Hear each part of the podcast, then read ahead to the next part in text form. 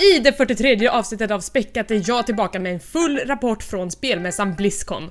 Dessutom pratar vi om lootboxes, Aloys äventyr i fjällen, Dina mardrömmars bokklubb och lönnmördaräventyr i Egypten. Det här är Späckat.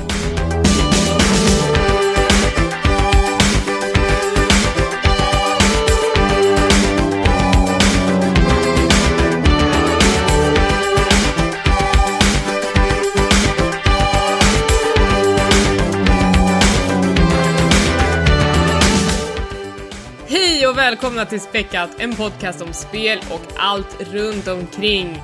Det här är så mycket som avsnitt 43 och äntligen så är jag tillbaka.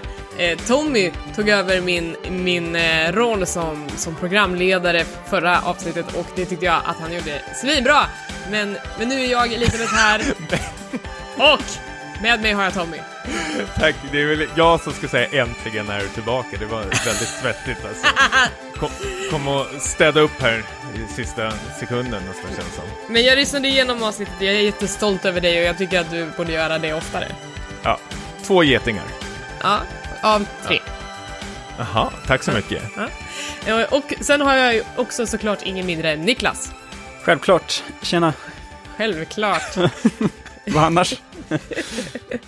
Jag har hört att ni är nyligen hemkomna från Kappa Bar. Ni rullade därifrån, Ja, runda om foten. det var trevligt faktiskt. Det var ju bara andra gången vi var där och den här gången så var det ju betydligt liksom, om man säger lugnare, fast ändå stökigt på ett Ja. skönt sätt kan man Och säga. nu ska jag inte säga att ni har kommit direkt därifrån in i podcasten, utan då, Då har hade vi inte låtit så här då hade det varit lite mer eh, skrik. ejliga. Ah. Men, men hur mår ni annars, eh, Tommy? Eh, det är bra faktiskt. Det, det är väldigt bra. Det har varit en aktiv eh, vecka faktiskt de senaste eh, veckorna tänkte jag säga. De senaste dagarna i alla fall. Eh, vissa har ju varit på Blizzcon men vissa andra som har lite mer koll på läget har ju varit på Stockholms filmfestival. Ja! det dammigaste av det dammigaste som Stockholm har att erbjuda. Kultureliten samlas och, jag vet inte, trängs in i biografen. Det är nästan hemskt att se det där. Ja. Oj, oj. Och Niklas, du var också där? Ja, precis. Um, den pågår ju fortfarande ska vi säga. Den håller ju på i, eh, vad är det, tio dagar totalt. Eller kanske mer till och med. Så den är i full Mm. gång. Så vi tar liksom avbrott från filmerna nu och spelar in den här podcasten. Uh, Så vi har sett lite så här högt och lågt kan man säga. Nej, det har ju bara varit en hög för mig och resten lågt. Så. Har ni sett den här uh, Three Billboards? Ja. I, för den har jag hört så himla mycket bra om. Fantastisk film. Ja, det har varit eh, bästa Stockholms filmfestival faktiskt. Vad heter den? Three Billboards Outside Ebbing, Missouri. Eh, rekommenderar vi alla att se när den eh, går upp på bio i februari tror jag. Det är ju lite av grejen med Stockholm Filmfestival. Det är så många liksom cineaster som går dit för att vara först eh, flera månader innan den går upp på bio i eh, resten av landet då. Mm. Vad, vad eh, har varit sämst då? Eh, vi såg ju någon sån här, alltså det är ju, de, man ska sä- säga så här att de, de stora filmerna är ju oftast de, så här, de säkra korten. De som man liksom har hört mycket hype om på förhand. Och sen har vi de där som man tycker själv att nu har jag liksom grävt fram någon riktigt så här juvel eh, i programmet. Och så är Men det har bara man någon... inte. Nej, det har man inte. Så det blir nog, eh, jag vet inte. De här indiefilmerna är ju ganska ojämna oftast. Mm. Eh, vi såg en som hette Gemini som var en stor besvikelse. Uh, lät jättebra på pappret men uh, inte alls i verkligheten. Och imorgon ska jag faktiskt se en, uh, en jag tror det är en sån här uh, actionrulle från Kambodja som heter Jailbreak som ska tydligen vara så här fruktansvärt dålig. Så, så jag vet, känner redan nu att det är en, kommer bli en sån här nitlott. Eh, Men, men jag ser också här i deras program att de visar eh, live action-varianten på Blade of the Immortal. Är det något ni har hunnit kolla in? Takashi Miikes eh, hundrade film. Ja, precis. Baserad på mangan eh, med samma namn. Eh, jag är jättesugen på den faktiskt, men jag känner att det, den kommer vara så lätt att få tag på efteråt. Så man vill ju ta de här eh, svåra som inte kommer, eh, ja, varken gå på bio eller nästan få tag på på DVD eller Blu-ray. Så ehm, det är väl lite de man har satsat på, men självklart är jag jättesugen. Jag har inte så jättebra koll på mangan, men jag älskar eh, Miki Takashi. Och Eh, trailern är ju jäkligt ösig. Ja, men det är väl typiskt Miki Takashi det ska vara så jävla mycket blod och våld och allting. Det Ah, kanske är, okej. är mangan också, vad vet jag. Ja, men det är ju liksom samurajmangan, man får ju vad man får när det är svärd inblandat. Men, men jag har ju också, jag har ju varit ute och rest, eh, och jag har ju också sett på film, jag såg ju äntligen Blade Runner, eh, passade jag på att klämma i New York. Eh, och sen så hade ju Thor Ragnarok premiär, men den kom inte till USA när vi var där. För den hade liksom premiär, vad ska man säga, tvärtom i hela världen, så att typ Australien är först och Europa är först och sen så kommer liksom USA sist flera veckor senare.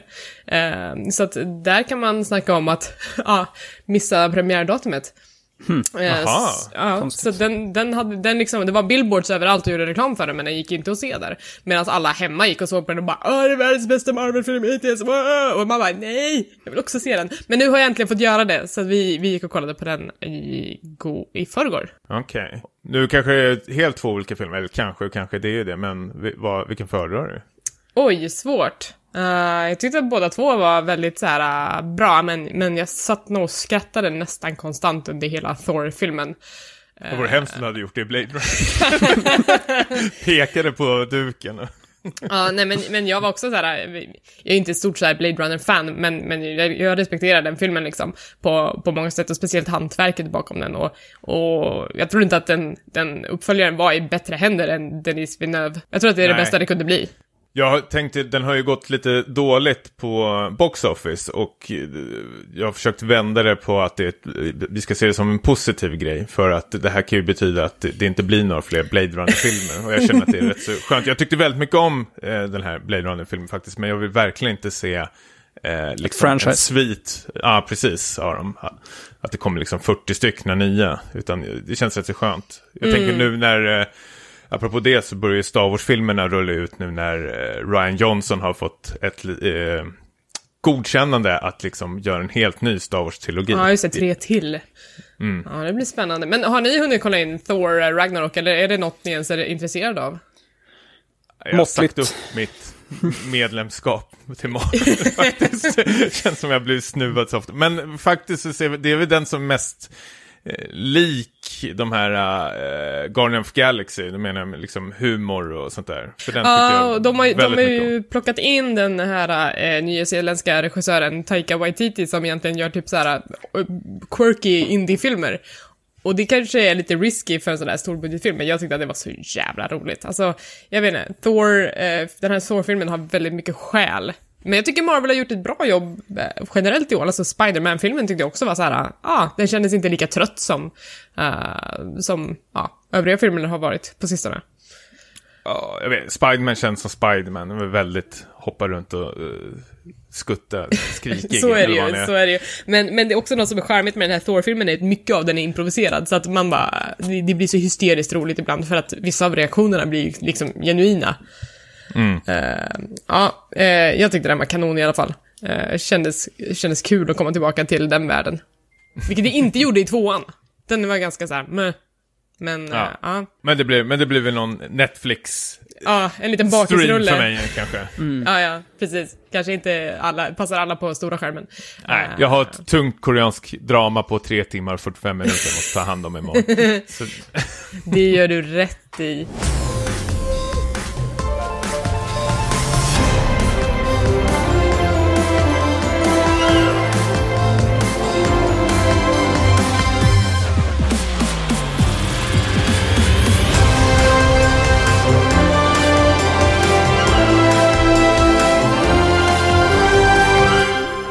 men du har väl inte bara tittat på film i staterna väl? Nej, det har jag såklart inte. Jag har ju varit på Blizzcon. Ehm, som är den här jättestora mässan som, som spelföretaget Blizzard anordnar varje år. De håller ju på att bojkotta de här stora spelmässorna som, som till exempel E3.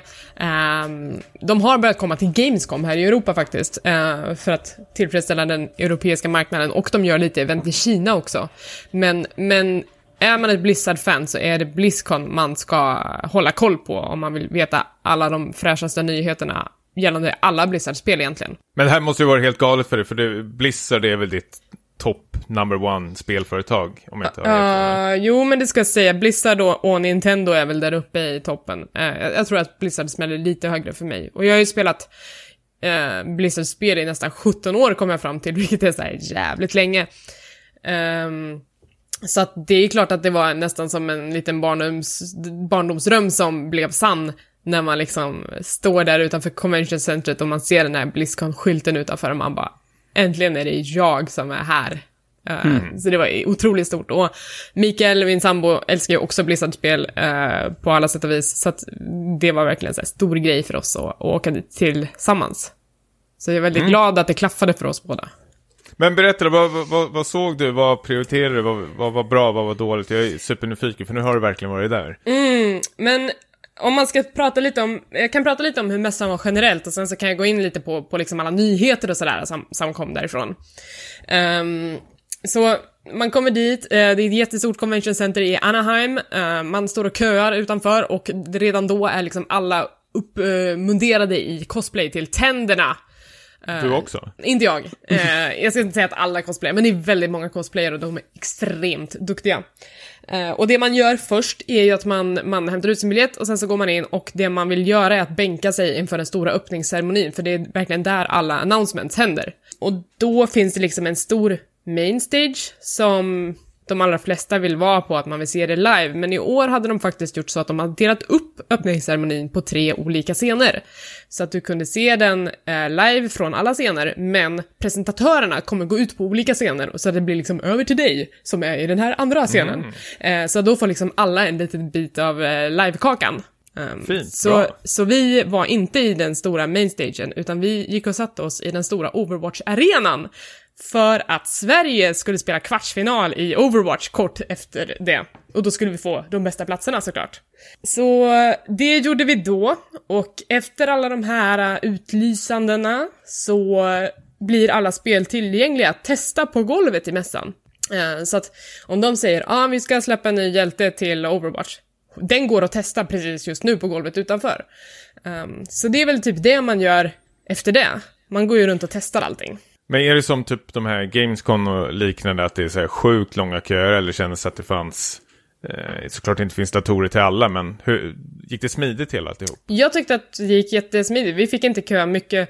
Eh, alltså vi hade ju spenderat dagarna innan på typ Disneyland och på Universal och där var det ju köer. Där är det hemskt ju. Ja, så att Blizzcon i jämförelse tyckte jag var ingenting egentligen. Och ibland så tajmade vi väldigt bra med att gå till vissa stationer som till exempel, vi testade Overwatch när USA och Sydkorea spelade semifinal och då var ju liksom alla, eller var det kvartsfinal, skitsamma.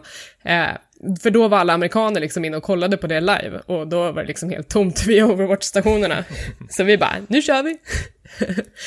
så, eh, och, och det är jättemycket stationer. Um, så att det, alla får verkligen en chans att prova det de vill spela, skulle jag säga. Hur var det med Diablo 3-rummet då? Väldigt litet. Uh, vilket, det är kan... min uh, favorit, eller Diablo kanske man ska säga överhuvudtaget. Uh, men, men så här, uh, Diablo har inte fått så mycket kärlek på nu två år på Blizzcon. Det har verkligen inte kommit några speciella nyheter att prata om. Förra året så var det ju för sig Necromancer som var det stora, ja, den stora nyheten, men i år hade de ingenting i öppningsceremonin som, som syftade till Diablo. Däremot så hade de gjort en eh, konvent-exklusiv Rift som man kunde spela på golvet. Så det gjorde Aha. vi faktiskt. Uh, så det är liksom så här, jag menar, 13 nivåer som man, som man spelar och uh, blir jagad av Diablo samtidigt. Mm. Um, jag såg att de hade lagt ut att man kunde söka jobb där till ett action-RPG. Det var ju förstås några månader sedan. Mm. Till en berömd franchise. Jag undrar, oh. undrar vad det kan vara. Men eh, sen så finns ju rykten om att Blizzard håller på med ett helt nytt IP också. Men, och de var lite kryptiska senare under mässan att eh, ja, håll koll framöver. Vi kan inte prata om någonting just nu, men, men det kommer ju bli eh, det kommer komma nyheter som kommer vara ganska stora. Ehm, så att det, snacket går ju att det kommer komma något nytt också. Men eh, alltså vad man gör annars där är väl att man tittar på e-sport. Kommer katten. man tittar på e-sport och eh, då blir det liksom världsfinaler i, i alla deras stora spel, så det är i World of Warcraft Arena, det är i Overwatch, det är Heroes of the Storm och det är i Starcraft 2 och det är i Hearthstone, men Hearthstone körde inte världsmästerskap utan mer någon slags invitational med skojmatcher den här gången. Um, så det kan man titta på, det pågår ju ungefär hela tiden och uh, ja, finalerna går på sista dagen, så då vill man kanske frigöra lite tid till att faktiskt kolla på de finalerna man tycker är viktiga. Um, så vi tittade på Starcraft-finalen såklart. Um, det är ju mitt spel liksom. Ehm, vad gör man mer? Man köper saker. de släpper mycket exklusivt exklusiv merchandise för eh, mässan som då de som går på mässan får, får första king på att köpa de grejerna och senare så släpps de till, till allmänheten att de kan beställa det som, det som blir, kvar, blir kvar efter, efter Blizzcon i princip. Um, så det är också en stor grej. Och då, nu så är det så att Blizzard älskar ju lootboxes lika mycket som andra, alla andra företag. Och um, då har de ju även tagit det här vidare i verkligheten.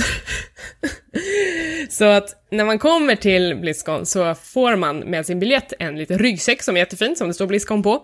Och så får man i den ryggsäcken en massa, liksom, vad ska man säga, den första är alltid gratis swag. Och då får man någon slags real life lootboxes med eh, ryggsäcksfigurer som man kan hänga på ryggsäcken.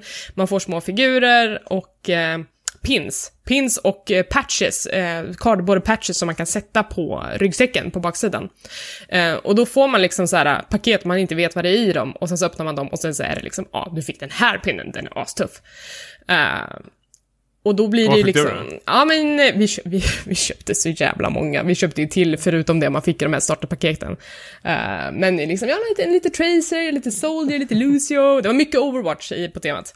Men okay. det som är så smart med det här är ju att alla får ju till slut väldigt mycket olika pins och figurer, så att folk börjar gå runt och byta med varandra. Mm. Och mhm. speciellt om man får dubbletter. Och jag tycker att även om det är så här, lite, lite shitty att de så här, oh, köp en låda så får du se om du får, vad du får i, det kan ju vara en dubblett liksom. Men, men då har du ju helt plötsligt valuta att gå runt och, och byta med människor och då börjar folk prata med varandra, även med folk man inte känner och främlingar och kan liksom börja bonda över spelen och bara ah gud, har du den här, jag har den här och sen så kan man liksom börja snacka om en massa andra grejer. Um, så det tycker jag är ett väldigt smart sätt att göra det på och just att alla har de här ryggsäckarna på sig och, och visar upp det de har och det de kanske vill byta och då kan man liksom bara knacka dem på axeln och bara hej du, uh, den här Widowmaker-figuren, uh, byter du den? Uh, så, så att det blir lite mer socialt, ska jag säga. Mm. Undrar om det var det Blizzard hade tänkt? Det tror jag absolut. Jag, Nej, jo, för att, för att den här, just de här pinsen är ett återkommande tema från gamla Blizzcons och då har de, den, den byteshandeln med de pinsen är så stor så att de har faktiskt satt upp ett dedikerat område där folk sitter och byter pins. Så att det är en, det är en grej på Blizzcon att byta saker. Jag tänkte då fick vi väl lite Diablo-TV, uh, eh, Auction House. Ja, men faktiskt lite grann. då är jag nöjd. ja. Um, men om du ska vara lite kritisk eh, då, om det är någonting som du känner att det här bör eh, Blizzard förbättra till nästa gång?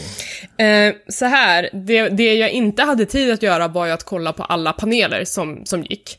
Ehm, mm. Det är ju paneler hela, hela tiden där man kan ställa frågor till utvecklare, man kan lyssna på utvecklare, eh, eller lyssna på kanske cosplayare eller, eller animatörer eller vad, nu, vad det nu kan vara som tipsar om så här, hur de gör saker eller ja, vad, alltså väldigt mycket informativt om man är intresserad av antingen spelutveckling eller Blizzards spel överhuvudtaget. Vi gick inte på en enda panel för det fanns inte tid att göra det. Eh, och det tycker man är väldigt synd, så att jag hade gärna sett att mässan kanske var lite längre. Två dagar är ganska kort för all den content som, som de har. Och det är väl kanske... Men du, du menar att det krockar med sådana matcher och sånt där? Ja, ja, men precis. Det, det, krockar ju, mm. allting krockar ju med varandra. Så att man måste gå igenom det här schemat och försöka prioritera vad tycker jag är viktigt. Och då prioriterar man bort nästan alltid de här panelerna för att man har den här virtual ticket och kan gå tillbaka och titta på det i efterhand. Okay. Men, men då missar man ju hela det här elementet med att man kan, att man kan eh, fråga, ställa frågor till, till de som sitter i panelerna. Du kunde blivit årets redshirt Girl. Ja, men precis. Men nu, då blir det inte riktigt så. Um, en annan grej var att de hade så här skitkonstig DJ utanför foodtruck-området när man gick och skulle köpa lunch.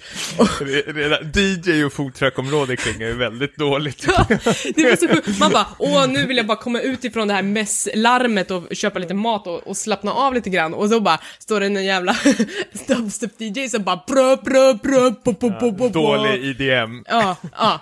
Men verkligen, och man bara, vad är det som händer här? så dålig DJ var ju absolut en grej. Um, ja, det är, väl, det är väl kanske de grejerna som, eh, som jag reagerade på. Att man bara, det, hade, det skulle behöva vara lite längre och lite mer chanser att, att eh, ja, ta del av vissa grejer.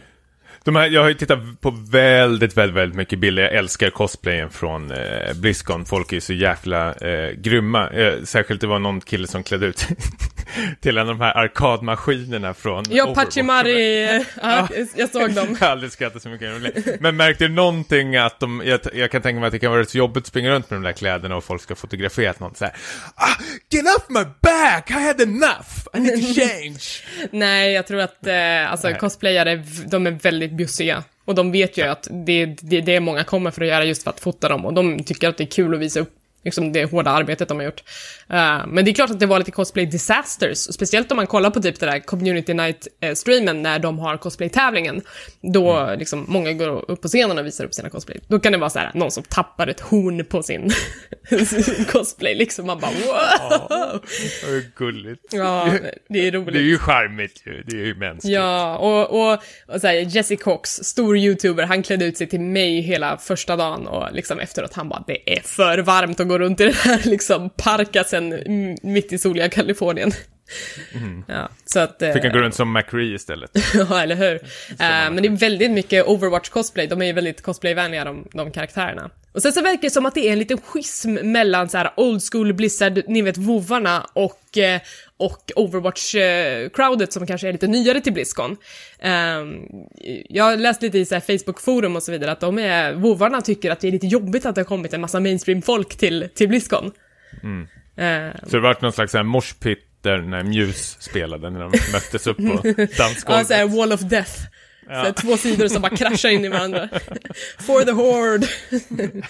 Ehm, ja, nej men, eh, men mycket bra stämning. Alltså det är ju som att gå på vilken mässa som helst, men, men skillnaden här är väl att man är intresserad av allting som är på golvet och alla som är på plats har samma intresse och samma passion.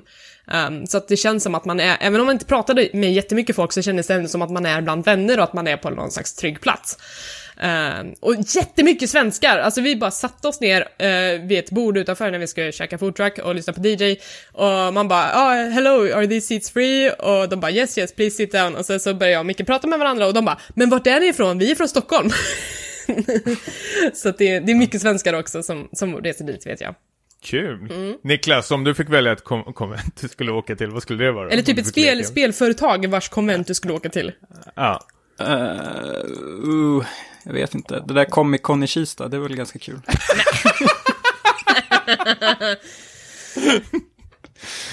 Eh, nej, jag vet inte. Konami tänkte jag säga, men de gör ju inte spel längre.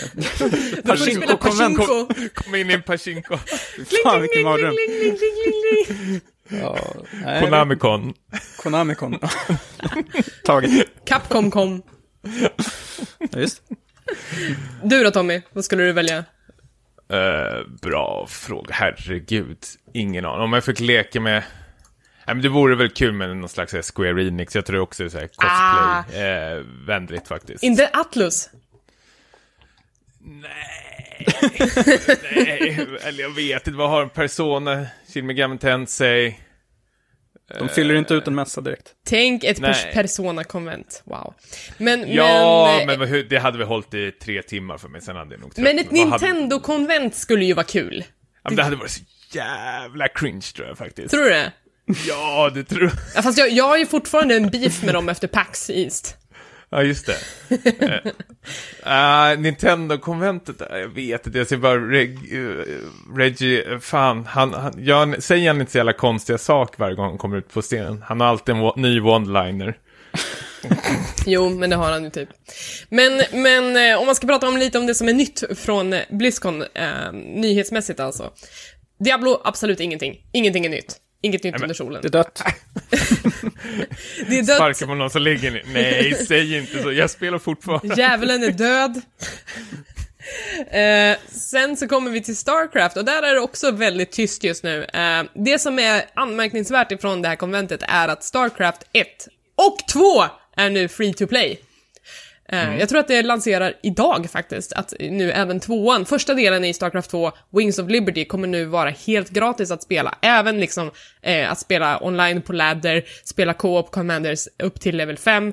Allting kommer vara upplåst. Eh, om man redan har Wings of Liberty så kommer då även Heart of the Swarm låsas upp. Så att här finns det verkligen en dunderchans att spela enligt mig en av världens bästa spelserier. Helt gratis, ladda hem Battlenet-launchen och spela igenom Starcraft 1 och början av Starcraft 2. Det är verkligen en, En fantastisk kampanj. En dunderchans för dig också spöa upp mig och Niklas live. Det har vi redan haft ju, men vi har inte, vi har inte kommit till skott än. Nej, men nu får, nu får vi verkligen ta och göra det när det är gratis tänker Inga jag. ursäkter. Nej, men faktiskt.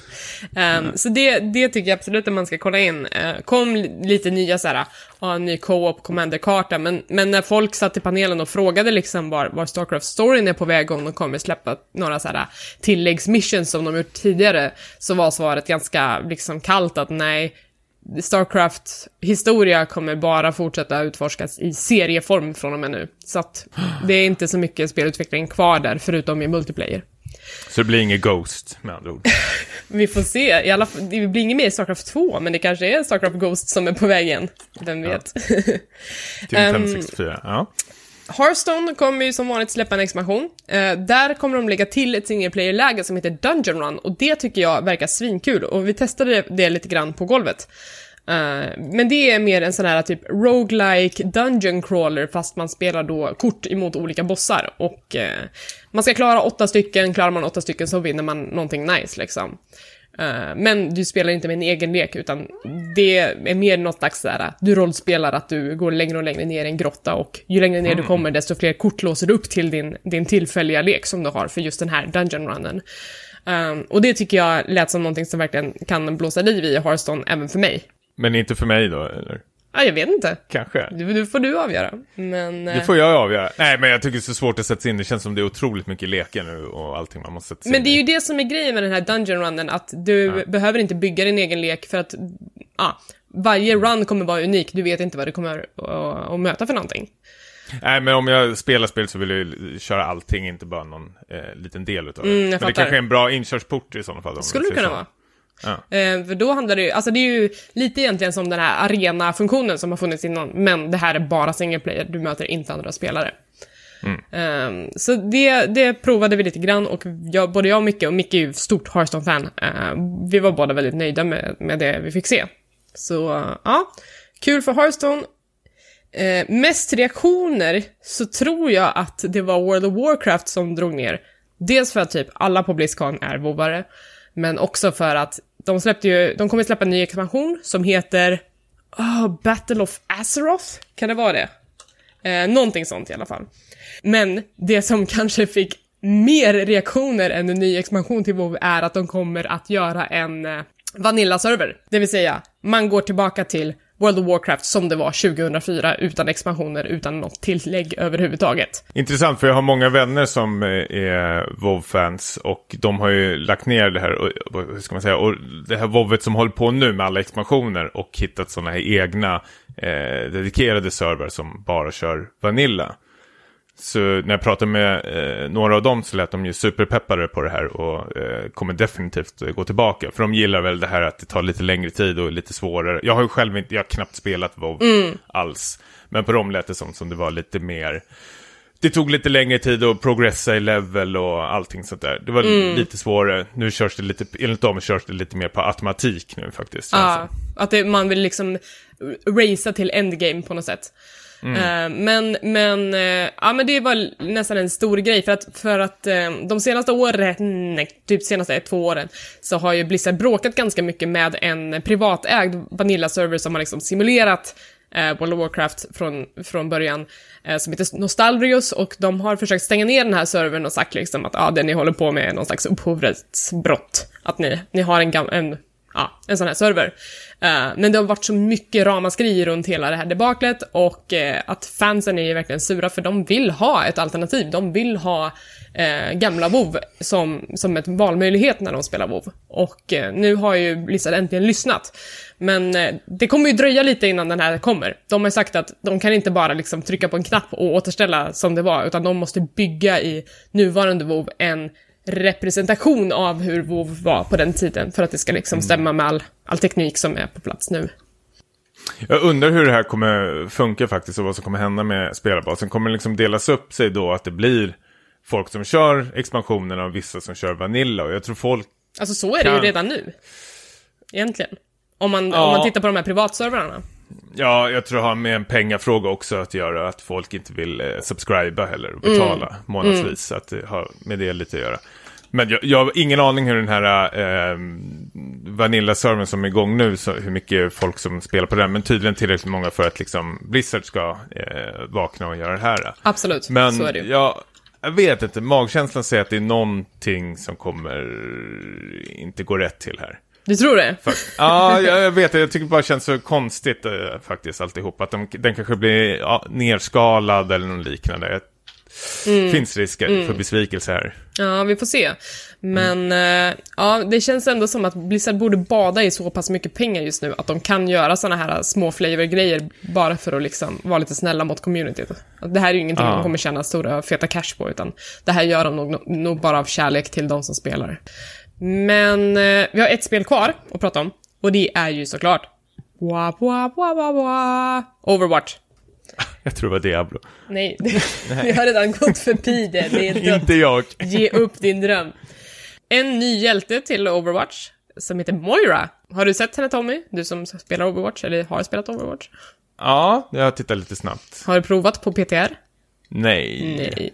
det har jag inte. Det som jag tyckte var kul när de avtäckte den här hjälten var att jag eh, såg det som jag och många andra har längtat efter. Dels en support som är en healer och dels en, lårmässigt, en healer som är ond. Jag testade henne på golvet, jag testade henne li- lite i PTR också och eller så här, kortfattat, hon är lite komplicerad men ganska rolig. Ehm, och det är svårt att säga hur de kommer funka i ett sammanhang för att de matcherna jag har spelat så har det varit liksom sex mot sex stycken Moira, så man fattar inte riktigt hur hon lirar tillsammans med andra hjältar än. Ehm, så det får vi väl se när, när, antingen när PTR lugnar ner sig lite grann eller när hon lanseras på ja, vanliga servern. Ehm, så det, det är väl typ övergripande de största nyheterna från Blizzcon. Ja, det var ju inte lite. Nej, men det är ganska mycket, men, men Ja. eh, jag väntar. Jag, jag hoppades på eh, en andra film med Warcraft. Jag hoppades på antingen en remake på Warcraft eller Warcraft 4. Eh, och jag hoppades få se någonting av det nya IPet, men jag fick inte något av de grejerna. Nej, och jag hade hoppats på ett Diablo 4, men det visste jag att det inte skulle komma. Ja, inte än i alla fall. Nej. Vi får vänta. Eh, Ja, gud, undrar om de gör ett Starcraft action-RPG.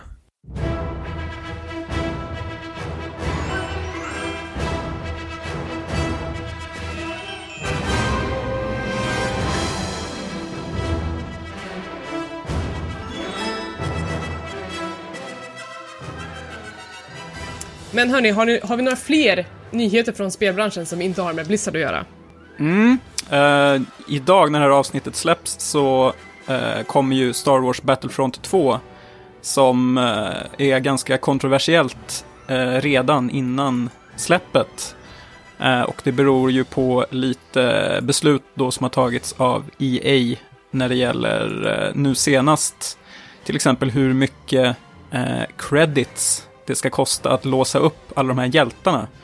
Och eh, det, det är då någon spelare som efter, eh, det har varit lite, eh, vad säger man, det har varit ett early access då på det här spelet. Att eh, det, det tar 40 timmar att låsa upp eh, Luke Skywalker och Darth Vader som är då kanske de två mest populära figurerna. Som är liksom Star Wars. Eh, ja, det kan man väl säga. Eh, och eh, man menar då att eh, folk kommer inte orka spela så länge och eh, ja, alltså spelarna menar att man kommer att eh, köpa, behöva köpa de här eh, karaktärerna. Ja, men precis, för att du kan få de här creditsen på två sätt. Du kan antingen spela spelet i 40 timmar, eller så kan du öppna plånboken och köpa det med riktiga pengar.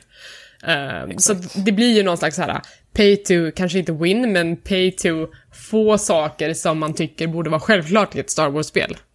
Eh, Men i början var det ju pay to win eh, när de släppte betan till det här. Du har ju sådana här kort du kan sätta på dina karaktärer som har olika liksom, attributer och samma sak, i- de är också saker du kan hitta i lootlådan. Och då blir ju, eh, var det ju exakt samma sak där, att desto mer du betalar så har du ju större chans att hitta de här bättre korten som du kan sätta på din karaktär och då få ett, liksom ett, eh, f- vad ska man säga, ett övertag, en förtur till vissa grejer.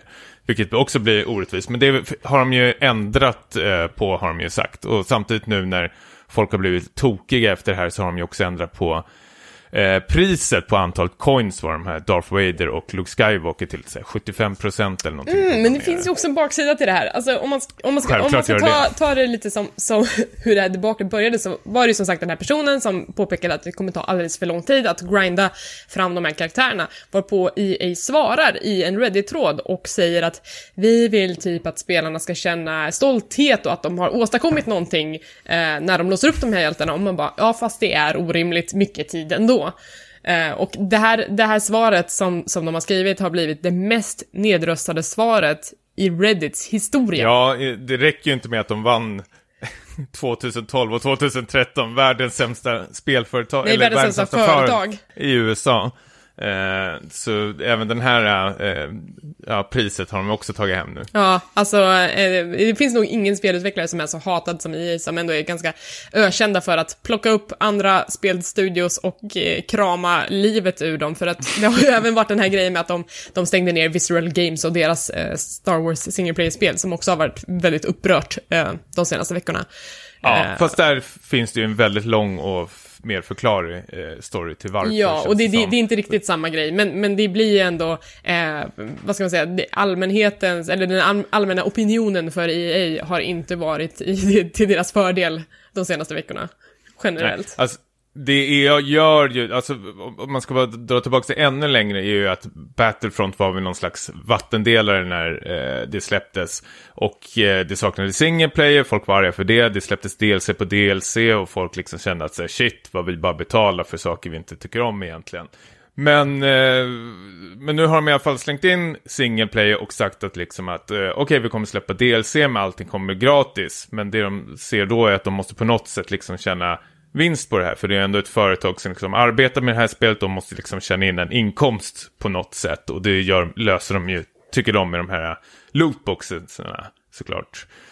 Eh, och jag ser väl inte, alltså alla spelföretag gör ju det, men liksom just nu var det väl liksom att det är väl nästan så här orimligt timmar man ska lägga ner, plus på att det är sådana här eh, nyckelpersoner i Star Wars-sagan som man ska liksom lösa upp. Jag tänker bara om det är någon som tar upp det här spelet som är ett Star Wars-fan som kanske har ett heltidsjobb, familj, vad vet jag, som bara kan känna så här, ja men jag vill bara lägga ner två, tre timmar i veckan, det räcker för mig. Jag vill bara vara Darth Vader när jag kan på fredagskvällar liksom. Precis, men då ska ju den här eh, personen såklart eh, sitta med barnen i knät. Eller. Sitta med bank-id i knät. Ja, ja, men precis. Antagligen det, eller så får man ta ut familj, eh, föräldraledigheten Vab kallas det. ja, eh, några veckor eh, extra kanske då. Men, Eh, men, nej, nu tar jag i men Men, och nu så har ju EA backat efter det här ramaskriet liksom på Reddit, att folk är så här: håll käften med era bortförklaringar liksom. Och så har de sagt liksom att eh, vi kommer sänka kostnaden med 75% som du sa. Men, men det de tydligen också har gjort då är att man har också saktat ner takten på hur fort man tjänar in de här creditsarna. Så att i slutändan så blir det typ, eh, alltså, plus minus noll ja, inte, inte riktigt, men... Men alltså, det, det låter bättre att bara säga vi har sänkt priset med 75% och sen inte nämna Mm. att det kommer också ta längre tid för er att tjäna ihop de här, de här för creditsarna. valutan är svårare att få det. Ja, Så det är Ja, lite, alltså- det är ju lite shady.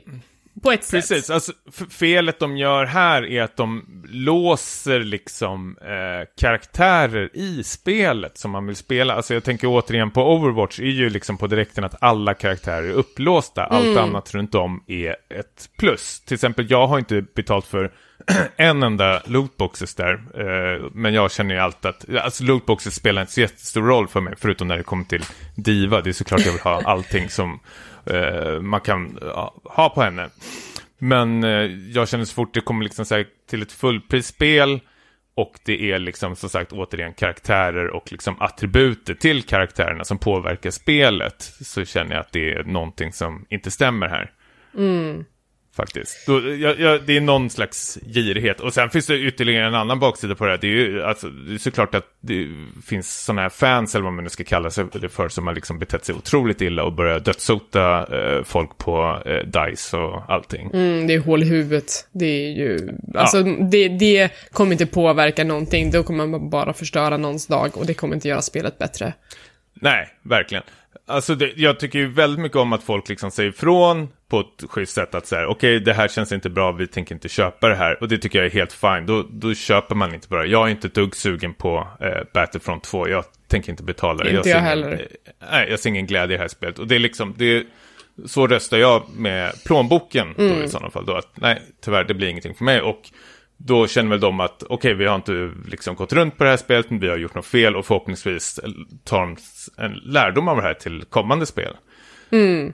Och vi får väl se hur det blir med Anthem nu, för nu är det folk som har hoppat av Anthem som också gått ut att säga okej, okay, de håller på att pilla med det här också, var beredd på mikrotransaktioner här. Mm, jag förstår.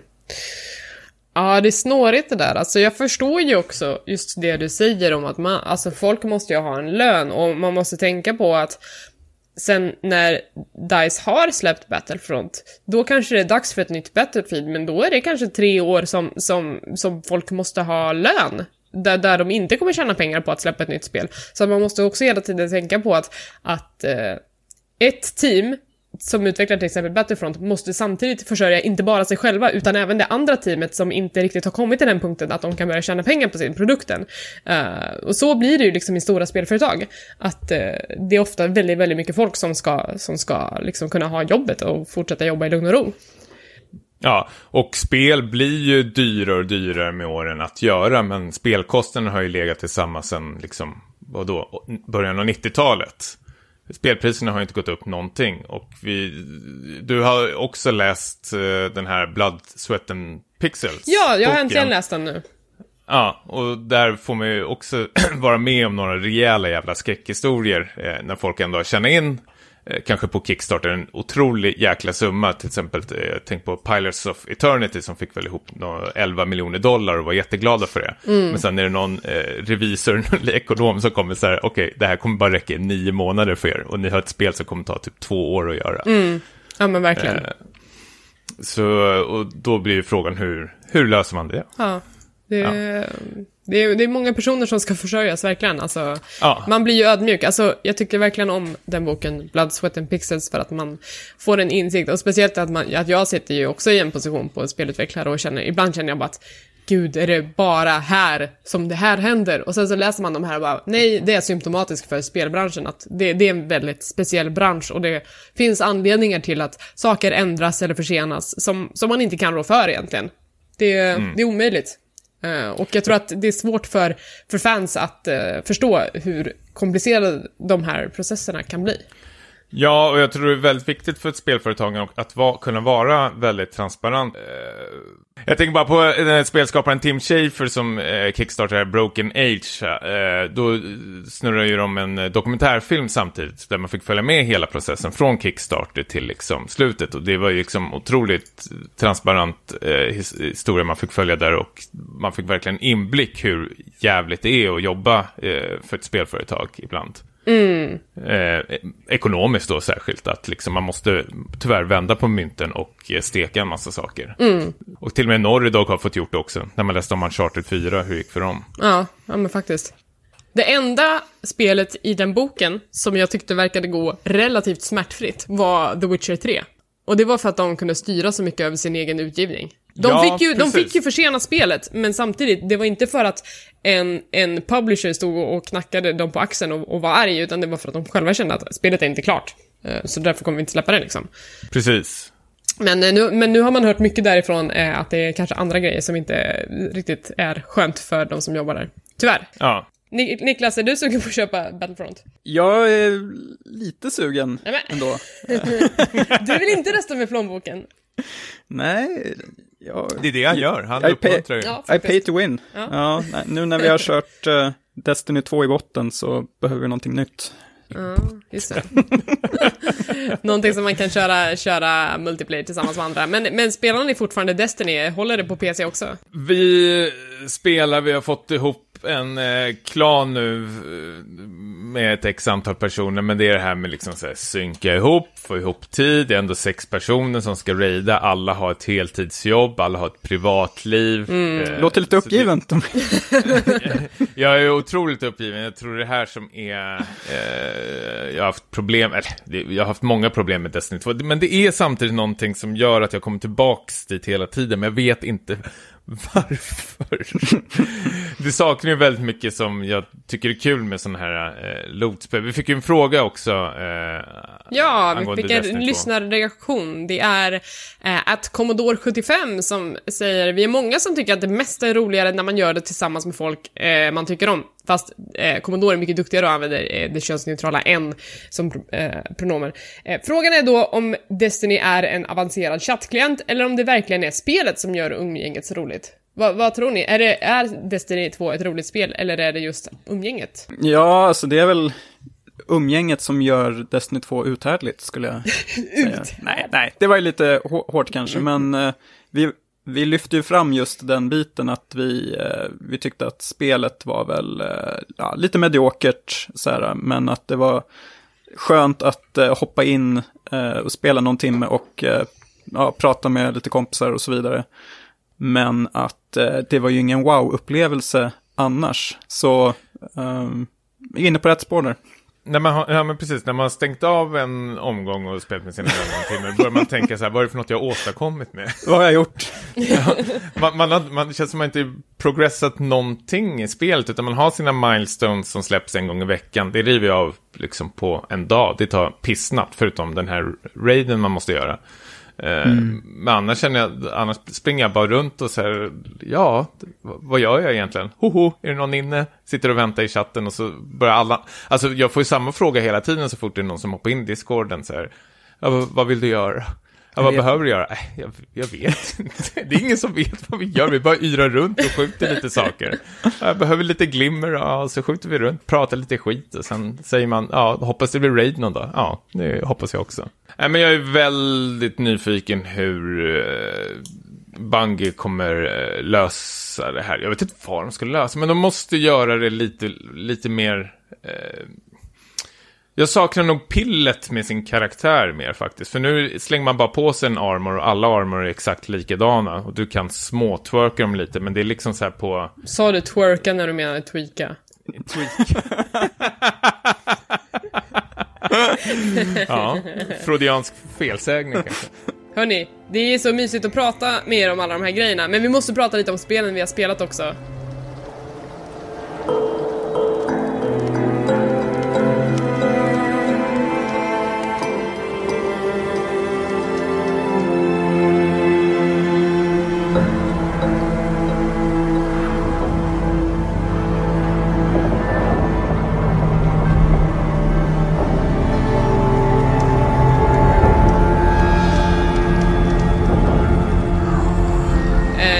Kanske kan sticka in ehm, till en början med lite kort om ett DLC som precis har kommit ut som jag satte tänderna i direkt när det kom ut.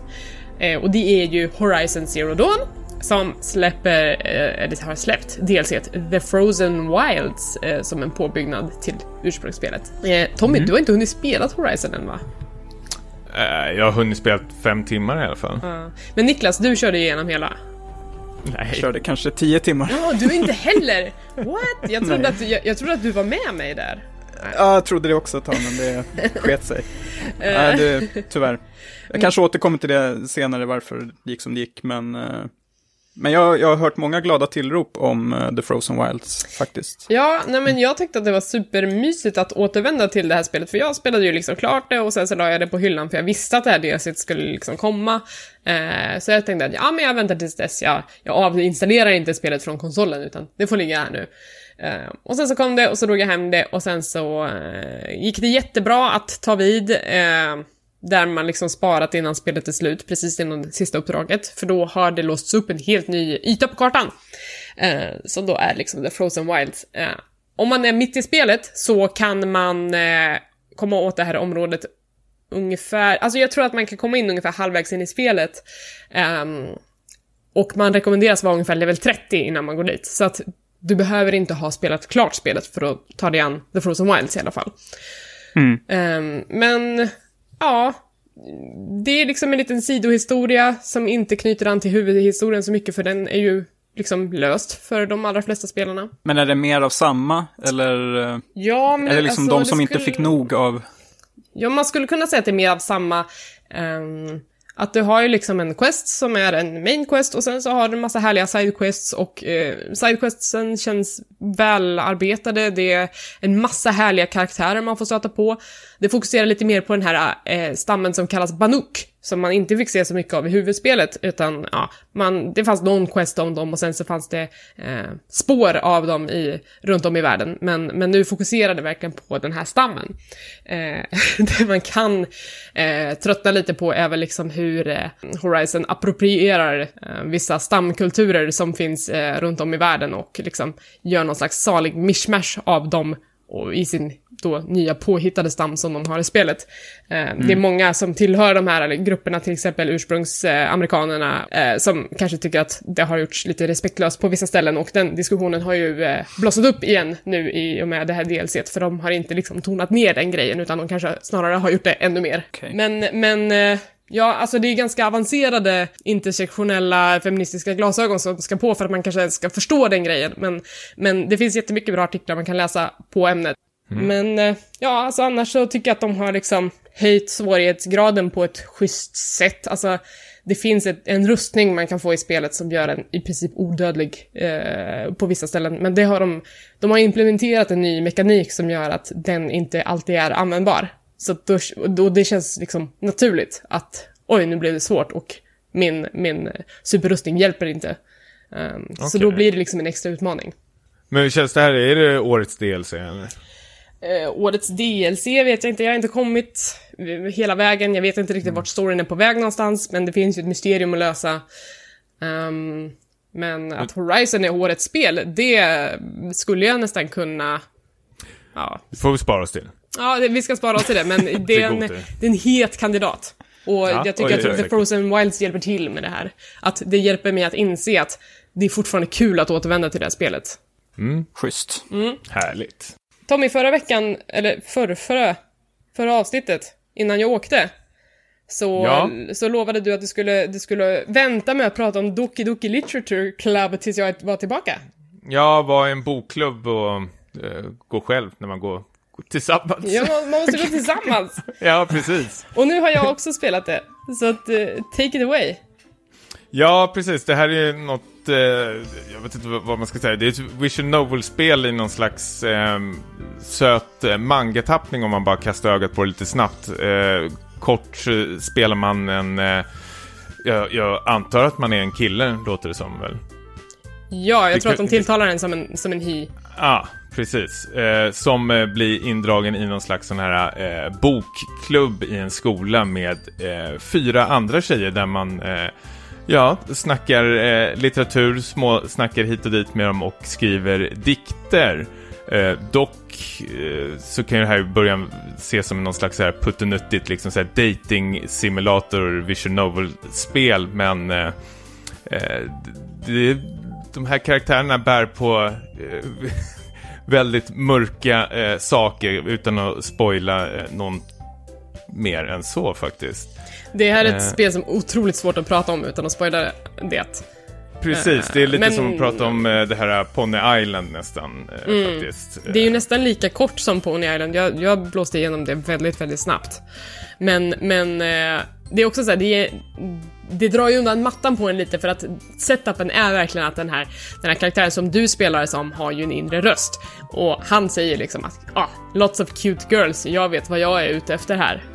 Ja, men det är liksom i början i alla fall, eller nästan hela tiden så uppmanar det lite att eh det, det, nu kommer det hända lite snuskar eller liksom vem Nu ska du, du imponera på någon. Precis, och eh, man märker själv när man ska hålla på och skriva de här dikterna att man, eh, vissa ord man väljer så märker man vilken som tilltalar tjejerna mest och då är det väl någon slags, eller man, spelet säljer väl in då som att den här personen kommer du få en, liksom en djupare relation med.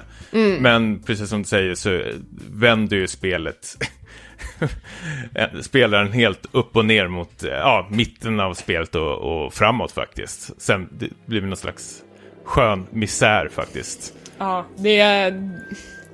Vad ska man säga egentligen? Alltså jag, eh, jag visste ju att det fanns vissa contentvarningar innan man började spela spelet, att man ska vara, man ska inte vara känslig för disturbing content. Mm. Och eh, till en början var det lite såhär, ja men hur illa kan det vara liksom? Men eh, ja, det blir ju rätt obehagligt ganska fort. Och Ja. det, är väl lite, det är väl lite också att, att spelet börjar nästan göra narr av var, var du trodde att du var på väg med, med det här spelet. Och sen så säger de haha, du trodde att det var så här, men egentligen så... eh, ja. Ja, Du, du kommer alltså få det- ångra att du behandlade det här spelet som en dating-simulator i princip. Precis, det, alltså den här spelskaparen som har gjort det här spelet har ju eh, spelat väldigt många sådana här Vision Novel-spel och det här har ju blivit någon slags kommentar på de här eh, Vision Novel-spelen. Alltså nästan 90% av de som finns ute, särskilt på Steam så är nästan 100% av dem att det är väl eh, oftast ett gäng unga söta tjejer som du skulle liksom göra små kaniner här men få omkull eller kära dig ner i liksom. Ja, med sex som belöning. Ja, precis. Och det har väl, eh, jag vet inte om det är en killer tjej, men hen har väl eh, tröttnat på det och eh, gjort någon slags sån här, ja, rätt så politisk eh, kommentar om det faktiskt. Som kritiserar både spelskapare bakom sån här och kanske spelare också. Niklas, förstår du vad vi, alltså, är vi för luddiga? Ja, alltså jag har ju eh, förstått, alltså det, det går ju inte riktigt att eh, prata om det utan att nämna att det finns en, en twist. Eh, men eh, jag, jag undrar, måste man liksom genomlida den här visual novel, liksom, innan dess? Innan det här kommer, eller är det liksom... Ja, ja. ja. Jag ska, det är otroligt utdraget tycker jag faktiskt de eh, två första timmarna nästan. Mm, och konversationen är så jävla banal att ibland så kommer jag på mig själv med att bara klicka igenom liksom och inte läsa vad det stod förrän det faktiskt hände någonting eller att det blev något val. Så att eh, det är väl någon timme där som man bara får blåsa igenom. Man, man Ja. kommer fatta premissen även om man inte så här, läser vartenda ord. Eh, så är det ju. Men, Men, ja, är det för att de ska liksom göra lite narr av genren, Ja. eller liksom en satir? Det det, Eh, men- både, liksom- både genren och dig som spelare liksom. Ehm, så, så kände jag lite grann, att bara säga, ah, är det sånt här du, du tycker om? För att fuck you. alltså, Samtidigt som det går någon slags eh, gullig eh, lollipop-musik i repeat i bakgrunden som man blir helt eh, tokig på. Ja, Micke bara, vad fan är det du håller på med? men, men, eh, sen, men spelet kommer att vara väldigt tydligt med när shit börjar go down. Eh, så att du kommer inte, du kommer inte missa när det är meningen att du ska liksom vara på alerten, utan då kommer spelet se till att du är på fucking alerten. Ja, det går verkligen inte att missa. Eh, och b- bryter ju fjärde väggar hit och dit och eh, det, nämner till och med flera gånger att det gör det. och Mm. Så- sen finns det väl också olika slut där också. Jag vet inte vilket slut du har fått, men mitt slut var verkligen så här... Pff, oj, oj, oj. Ja. Det var inte, det var inte. Vadå, inte bra eller inte? Nej, jag vet inte om jag fick... Jag tror inte det finns någon good ending här, eller bad ending, men jag fick väl ett slut som var så här... eh, ja, hur ska jag förklara det? Det var bara, det var bara tomt. Oj. Det var bara mörker nästan känns det som. Oh, Okej, jag tror att jag vet vad du pratar om och jag tror att vi måste prata om det här i ett annat forum så att vi bara får reda ut lite vad som, vad som händer. Men, men eh, så här, generellt så har det kommit ett gäng sådana här spel som bryter fjärde väggen och det känns superrevolutionerande och så vidare. Men när jag spelar Doki Doki Literature Club så känner jag kanske att det är lite gjort. Eh, att just att spelet bryter fjärde väggen. Har, jag har spelat ett antal sådana spel nu och jag tycker inte, jag får inte den här wow-känslan längre och man bara ja, ja, jag ska gå in i källfilerna eller vad, alltså du vet, så som, som eh, Pony Island kan göra eller som One Shot gjorde eller som Undertale gjorde. Eh, alltså att det, det blir lite, ja, ja, ja, det här tricket har jag sett förut. Eh, jag vet inte om du känner samma sak eller om du kände att du fick den här wow-grejen. Nej, inte wow Alltså det händer ju små twister som man eh, nickar till på, självklart. Men eh, jag känner väl mer att eh, jag varit väl mer eh, imponerad av det visuella, om man säger så. Eh, hur text och eh, grafik... Eh, gud, jag försöker Alltså de dansa runt en att, het gröt där. Ja, men de, de, de använder ju text och grafik för att liksom skapa en skräckstämning. Ja, det, det är blir ju ett otäckt, skräckspel egentligen. Ja, och det blir väldigt otäckt på vissa ställen tycker jag faktiskt. när Så att de, de eh, använder väldigt eh, effektiva medel. Eh, alltså, de, alltså när man gör en visual novel så har man ganska begränsad mängd, vad ska man säga, visuella assets att jobba med. Du har en bild och du har eh, text. Eh, och bara genom att liksom tweaka de här på, på väldigt smarta sätt så skapar de en väldigt obehaglig stämning. Och det är ju, ty- lyckades de med tycker jag faktiskt. Mm. Eh, men sen, ja men jag håller med er verkligen. Det, det kanske inte var någon slags, man har ju sett det här förr verkligen. Men jag är fortfarande, jag har ju, känns som att jag har varit med om någonting. Men jag kommer aldrig spela om det. Aldrig i livet att jag kommer spela Nej. om det, men, men Särskilt när jag fick reda på spel- så här, ja det finns fler slut och allting. Och jag känner så här, ah, jag är inte så jättenyfiken på att spela om det för att få fler slut. jag kom, Men jag kommer ju heller aldrig glömma det här spelet. Nej, nej, nej, Alltså, verkligen inte. livet. Det, det, är inte, det är inte ett spel som man bara, jaha, nu var det slut, utan man bara, va, what the fuck did I just play? Ja, men det är värt att säga också att det är ett gratis spel också. Ja, Eh, totalt gratis att bara ladda hem på Steam. Ja. Och det tar kanske två, tre timmar, max. Ja, om man läser som dig. För mig tar det fyra timmar.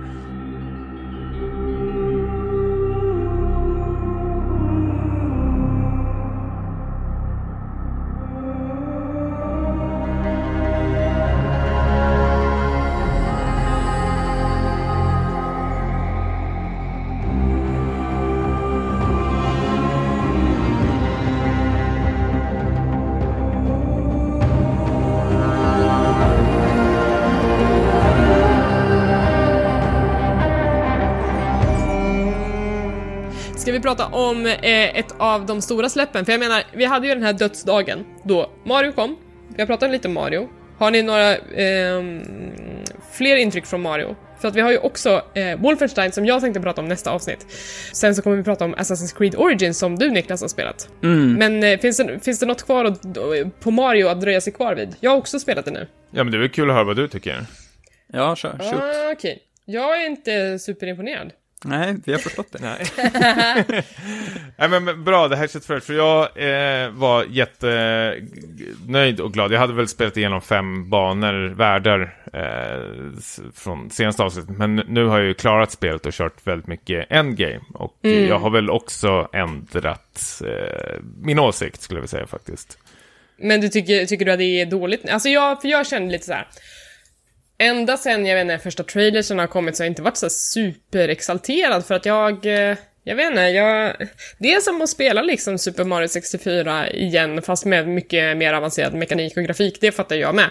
Men, men jag är inte superexalterad över den här hatten och att man kan ta över grejerna. Det är vissa av de här varelserna man kan förvandla sig till som man, jag tycker blir genuint kul gameplay, speciellt den här typ fågeln som har en vass näbb som man kan klättra upp för väggar med. Den tycker jag är asrolig.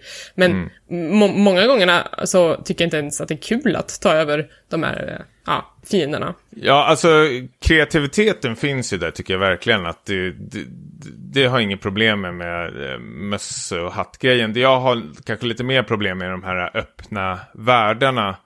Eh, börjar märka. Eller liksom de här månaderna man ska samla. Att det är nästan, jag blir väldigt mätt väldigt snabbt på dem. För eh, bara senast idag när jag spelade lite snabbt så var det liksom bara en måne som fanns under en pall. Bara, bara sådär. Och jag kände så här, ja det, det här var väl ingen utmaning. Eh, kanske. Och det, jag tänkte det vore nästan nyttigare för dem att de eh, skärde ner på antalet månader och kanske gjorde dem lite mer eh, svårare mot slutet att att fånga. Och jag saknar faktiskt de här eh, plattformsbanorna lite mer. Jag gillar, man, det finns, eh, för folk som är spelare så vet de säkert vad jag menar, men det finns sådana här små segment i de här öppna världarna. Man till exempel hoppar ner i ett rör och så är det extremt tydligt att du ska ta dig från A till B och på vägen är det en slags hinderbana. De segmenten älskar jag, för då känner jag verkligen att de, de liksom utmanar spelarna. att Liksom, nu ska liksom parkoura dig fram här och jag har skitkul med dem, men jag tycker de är alldeles, alldeles för få. Samtidigt i den här öppna världen så känns det som att liksom, jag bara irrar runt och snubblar över saker faktiskt. Eh, som inte känns allt för belönande. Plus att jag har typ fuckat upp mina månader rejält. Alltså, jag, jag har ju blivit eh, lurad. Okej. Va? Nej men när man har klarat spelet typ så kan man ju gå till Toad och eh, där han, han säljer ju alltid en måne men så sa de typ så här nu säljer jag tio stycken och så tänkte jag så här jaha, ja, men vad trevligt då fick jag tio gratis månader då. Och sen började jag sitta och bara trycka på den här knappen medan jag tänkte på något annat och så började jag rassla in månader så tänkte jag vad, vad är det som händer och pengarna bara försvinner och försvinner. Helt plötsligt har jag köpt typ så här Ja, vadå, vad kan jag ha köpt? 60 månader eller någonting sånt där. Och så började jag kolla upp, jag tänkte så här, men det är någon bugg det här eller någonting. Och då är det tydligen att du kan köpa det till månader för, eh, jag kommer inte ihåg vad det kostar, 10 mynt eller någonting sånt där. Istället för att hitta dem för att låsa upp de här extra värdena. Så på mitt skepp så står det ju att jag har pissmycket månader, men säkert känns som hälften av dem har jag bara liksom av misstag köpt mig, liksom Oops. fuskat mig till. Så jag får sån ångest när jag tittar på mitt liksom resultat. Det, det känns som liksom, det är ju månader som inte jag har förtjänat mig av. Liksom. Ja, alltså det, det här med månaderna är ganska roligt för att det har kommit ett Twitterkonto som heter You got a moon under sin bot. Och sen så är det bara en massa tweets om typ såhär You got a moon, went outside. You got a moon, check the time. Eller You got a moon, bathe in the blood of the innocent. alltså, det kan bara stå vad som helst under de här, jag tycker det är roligt. Eh, Men, men jag tycker alltså, jag håller med om att alltså, spelet är för lätt vissa av gångerna. Jag hade liksom, det var inte svårt. Jag, det var bara att blåsa igenom det och jag kände inte att jag blev utmanad på samma sätt som till exempel Super Mario 64 eller Galaxy gjorde för den delen för mig. Att man, vissa grejerna var ju bara så jävla svåra så att man satt liksom i, i två timmar med bara den banan. Så Det, kom, det gör man ju inte här för att det bara, det bara blöp, så är man klar. Jag har den opopulära åsikten att eh, Mario plus Rabbids är det bästa Mario-spelet från i år. Ja, men det köper jag nästan, det kan jag förstå. Eh, faktiskt. Jag gillar det också väldigt, väldigt mycket. Eh, fa- även fast det är två helt olika spel. Men jag förstår vad du menar om, om man ska dra bästa Mario-spelen. Ja, varför inte? Eh, men jag känner att jag har... Alltså spel, som sagt, spelglädjen finns. Jag tycker ändå det är rätt så kul. Men jag känner mig att jag... Jag kan max spela en timme av Mario Odyssey. Sen måste jag lägga det vid sidan för jag känner mig rätt så mätt på det jag har åstadkommit. Alltså, bara de här tunnelbaneresorna jag tar, jag liksom vid slutdestination, då har jag liksom så här 8-9 månader eller någonting. Så jag, vad är det som har hänt? De har kastat över mig. Jag har inte eh, klarat det ännu. Jag... eh, Har lagt ner det. Ja, eh, jag, jag, känner, jag känner lite, jag var också positiv förra veckan, men eh, det var lite så här ny, nu var man lite nykär känns det som. Nu, eh, ehm, jag känner väl också lite det här med månarna och att, alltså det är ju kreativt på sina håll verkligen, men att i vissa fall är det ju, känns det mest som så här fetch quest-grejer. Det är någon uh, i New Donk City där när man ska samla ihop sitt band till exempel, uh, som inte är något så här inget speciellt över den questen ändå. Uh, och där, där, där hittade jag inte den fjärde medlemmen i bandet och, och sket i det och åkte därifrån uh, till nästa värld. Så jag har ju liksom börjat lämna så här halvfärdiga världar bakom mig. Medan jag i början försökte liksom maxa så mycket månader jag kunde. Uh, så ja, jag vet inte riktigt. Uh, jag, jag är lite fundersam för jag, man ska inte haka upp sig på eh, liksom betyg och så här, betygssnitt, som till exempel på Metacritic, men jag noterar ju att eh, Odyssey har ju samma betyg som både Super Mario 64 och eh, Galaxy-spelen. Eh, och de har ju jag, som inte har spelat dem, jag har ju målat upp dem som så här odödliga mästerverk, liksom Ja. riktiga så här mil, milstolpar. Och om de är då enligt i alla fall spelpressen ungefär lika bra som det här, då får jag fundera om där lite tror jag. Omvärdera den åsikten.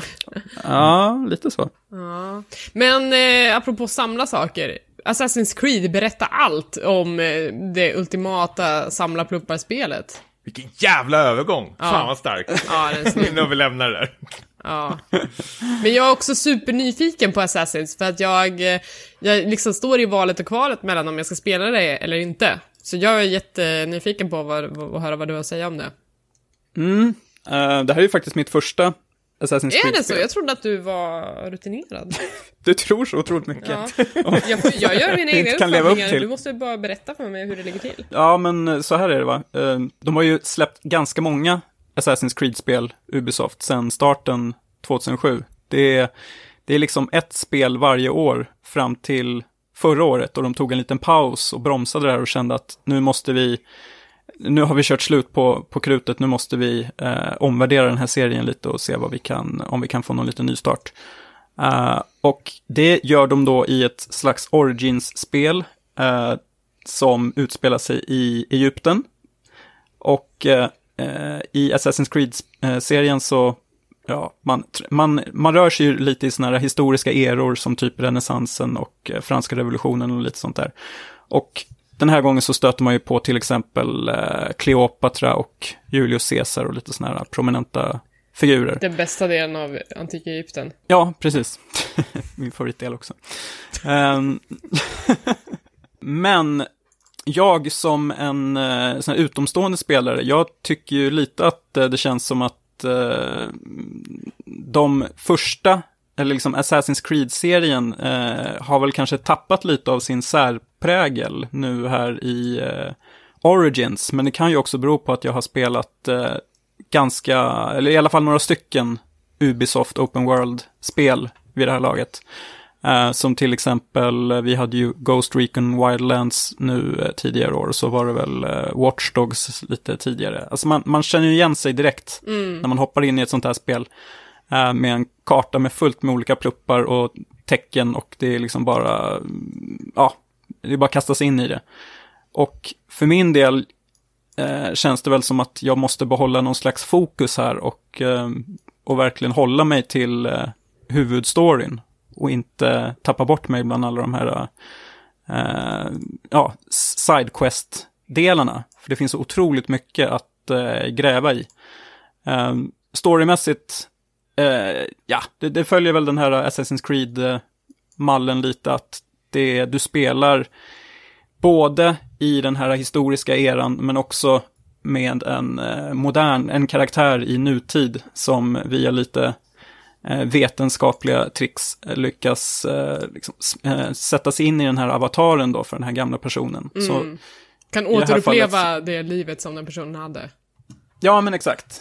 Så nu, i det här fallet så sitter du då, du är en tjej som sitter i en sån här ja, arkeologisk utgrävnad, typ en, eh, jag tror det är, man sitter i en pyramid. Mm. Med den här mumifierade kroppen av spelets protagonist då som man sen följer, som man kopplar upp sig mot. Okej, okay, så att hon är inte liksom eh, en ättling till den här eh, protagonisten, så vitt du vet? Som, så vitt jag vet är hon inte det, men jag, jag har väl förstått, och jag har ju sett den här filmen också, att det brukar finnas en koppling mellan eh, de, de karaktärerna. Mm, Okej, okay. men det, det har inte uppdagats än? Det har inte uppdagats än. Um, ja, och um, ja, jo men det, det som drog, som jag drogs till lite här, det var väl just de här äh, Egypten äh, placeringen Mm. med, för det är inte bara liksom sand som man skulle kunna tro och pyramider, utan det finns ju även, det är en väldigt så här färgsprakande värld tycker jag. Äh, Alexandria till exempel när man kommer dit är ju helt fantastiskt snyggt. Och jag har ju sett längre fram i spelet att det, det, känns, det känns verkligen som att man gör en stor, eh, lång resa med den här karaktären. Frågan är då om jag kommer att ta mig dit och det är väl en eh, annan fråga. Det är fortfarande öppet för... Ett öpp, öppet för diskussion. Ja, Nej, men, för det, det, har ju hänt med både Horizon som sagt och eh, Mass Effect att eh, man är ganska liksom peppad i början de första tio timmarna. Och sen så, för min del så är det att jag tappar tråden någonstans. Mm. Och känner att det blir liksom övermäktigt. Nu har jag ju lånat Zelda av en kompis också. Uff. Så nu måste jag börja spela det. det känns som droppar Assassin's Creed eh, tills vidare. Det jag gillar med Zelda är att det står inte hur många shrines eller hur många Koroxids det finns att hitta. Så att det blir... Som med må månarna i Super ja, Mario. Men, så det blir aldrig den här, åh, jag har missat den här och den här, eller att det dyker upp typ en miljard på kartan och man bara, vart ska jag börja? Utan att det är så här, skit i det du. Du får väl hitta det du hittar. Uh, ja. Och det, så är Ubisoft är väl snarare tvärtom på det sättet. Ja, det finns ju jättemycket massa olika grejer att uh, göra. Det känns, du kan inte gå en meter utan att det poppar upp någonting som uh, liksom pockar på uppmärksamhet. Mm. Så Uh, många så här, saker man kan bli distraherad av längs med vägen. Mm. Men om man älskar det så, så kommer man ju verkligen gilla det här.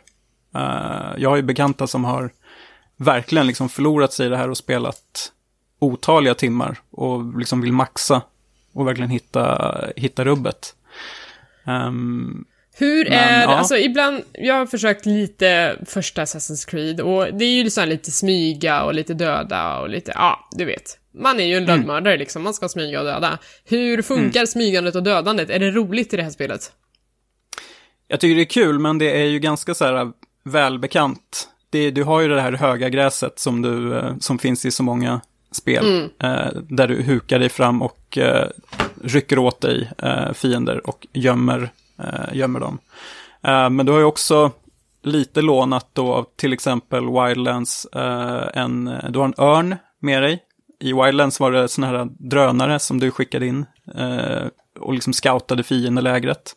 Här har du en örn som hjälper till och märker ut fiender på kartan. Annars så kan du ju liksom köra med så här, pilar, sömnpilar och hela den bunten. Eh, eller hela den biten. Um, så det finns, ja, det känns som att det finns, du har ju ett sånt här skillträd också som du kan upp, uppgradera. Beroende på om du vill satsa liksom lite mer diskret eller om du vill eh, bygga dig starkare och så. Så det är inga konstigheter där Mm. heller. Um, så ja, det, det är ett open world stealth-spel.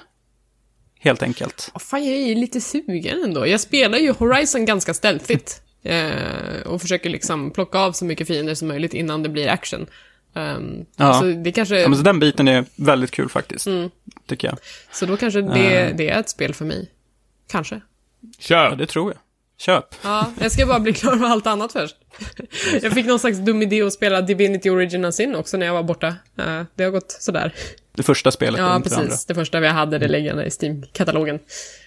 Ja. Mhm. Mm, men, men vi får se om du återvänder till den här världen eh, och kanske tar igenom resan eller om det blir någonting annat som, som lockar eh, i nästa avsnitt. Ja, det kan bli något annat. Det kan- kanske blir Zelda. Kanske blir. Zelda. Ja. Jag hoppas att du hinner att att spela lite av det innan vi börjar runda upp året och, och, och se vad, vad det var som var bäst. Uh, hörni, ska vi runda av avsnittet? Nu har vi pratat så mycket, eh, men allt gott måste ha ett slut. Vad händer i nästa avsnitt? Har ni några planer? Vad ni ska spela? Destiny 2? Destiny 2. Jag Någon skriver ner det. konstig anledning. Hur det, går, hur det går med South Park förresten. Oj. Oj, Oj. det är ett avslutat kapitel. Oj då. Eh, jag tänkte ju spela Wolfenstein 2, det är jag superpeppad på att sätta tänderna i. Eh, Just otroligt pepp. Eh, jag är nästan ledsen för att det har gått så här lång tid, men, men eh, det ska vi prata om tycker jag absolut. Eh, någonting annat som lyssnarna gärna får kolla upp är att eh, Svampriket anordnar skräckafton i år. Och vi var ju med i skräckafton förra året och vi har blivit inbjudna att få vara med även i år och streama. Sån jävla ära. Ja, eh, alltså Pim eh, som föredrev eh, kanalen Polygonprettot som har varit här och gästat på den en gång, som är huvudsaklig arrangör för det här och har nu fått hjälp av alla de härliga människorna på Svampriket att göra det ännu större och ännu bättre. Och i år samlar de in till en förening som heter Mind, och vad sysslar de med? Mental hälsa va? Ja, precis. Ehm, så det eh, tror jag kommer bli jättekul. Så att det, det skulle vara kul om alla lyssnare kollade in skräckafton den 25 november på Svamprikets eh, kanal. Mm. Om ni vill se oss så går vi på klockan sju, har jag för mig. Klockan sju, ja men det stämmer. Med en twist. Med en Kanske. twist. Vi kanske har med oss någonting lite extra, vi får väl se. Ja, eh, men kolla in eh, Svamprikets olika kanaler om ni vill veta mer om den eh, insamlingen. Vi kanske kan länka det i beskrivningen av avsnittet också så att alla är på samma sida. Eh, det kommer bli superkul att spela tillsammans med er. Mm. Det ska bli kul. Samma. Härligt. Det var väl det för idag. Ehm, om du som lyssnar har några frågor och funderingar, som vanligt, vi finns på mail, späckatpodd.gmail.com, vi finns på Twitter, späckat och Instagram, späckatpodd. Om man vill skriva till oss personligen, vart når man dig Niklas? Niklas Lundqvist på Twitter och OneLess Niklas Instagram. Tommy? Tommy understreck Jansson och Stimpas på Instagram. Och du då Elisabeth? At hangryeli på Twitter och at hangryspice på Instagram. Och om du gillar podden, glöm inte att recensera på iTunes. Like. Ja, like, like, comment, subscribe. Och man hittar oss såklart på eh, Tumblr och på 2upp.se. Tack för att ni lyssnar! Och Ha det bäst hörni. ha det fint! Puss puss! Hej! Tja! Every day I imagine a future where I can be with you. In my hand is a pen that will write a poem of me The ink flows down into a dark puddle. Just move your hand right the way into his heart. But in this world of infinite choices, what will it take just to find that special day? What will it take just to find that special day.